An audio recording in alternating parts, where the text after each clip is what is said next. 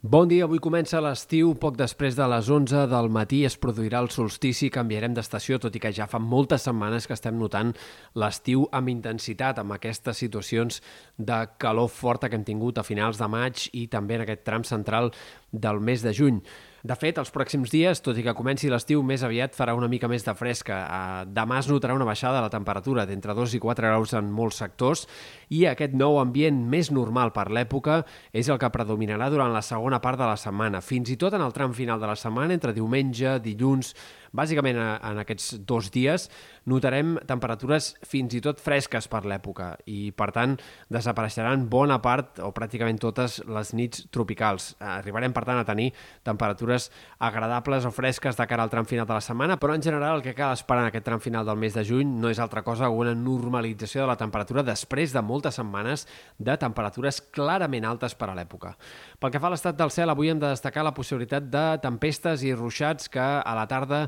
s'estenguin per moltes comarques de la meitat oest, uns ruixats que es desplaçaran amb bastanta rapidesa i això pot fer que es, poc o molt es deixin a notar i se sentin trons en moltes comarques. Sobretot les quantitats més importants s'han d'acumular al Pirineu i Prepirineu, però no descartem també alguns ruixats localment intensos cap a sectors al voltant dels ports, Terres de l'Ebre o en altres punts fins i tot de Ponent.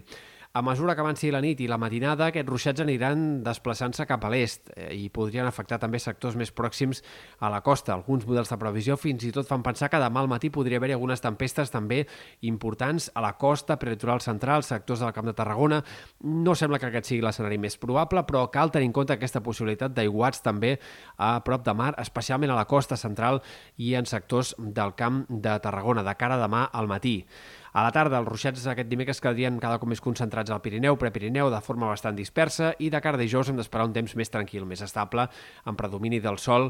i eh, potser com a molt amb algun ruixat aïllat al Pirineu Occidental durant la tarda i vespre del dia 23, però serien en tot cas fenòmens aïllats. Tenim un cel molt tèrbol a causa de les partícules en suspensió que hi ha acumulades dels últims dies i això pot fer que els ruixats que eh, doncs descarreguin durant les pròximes hores vagin acompanyats de fang de forma notable.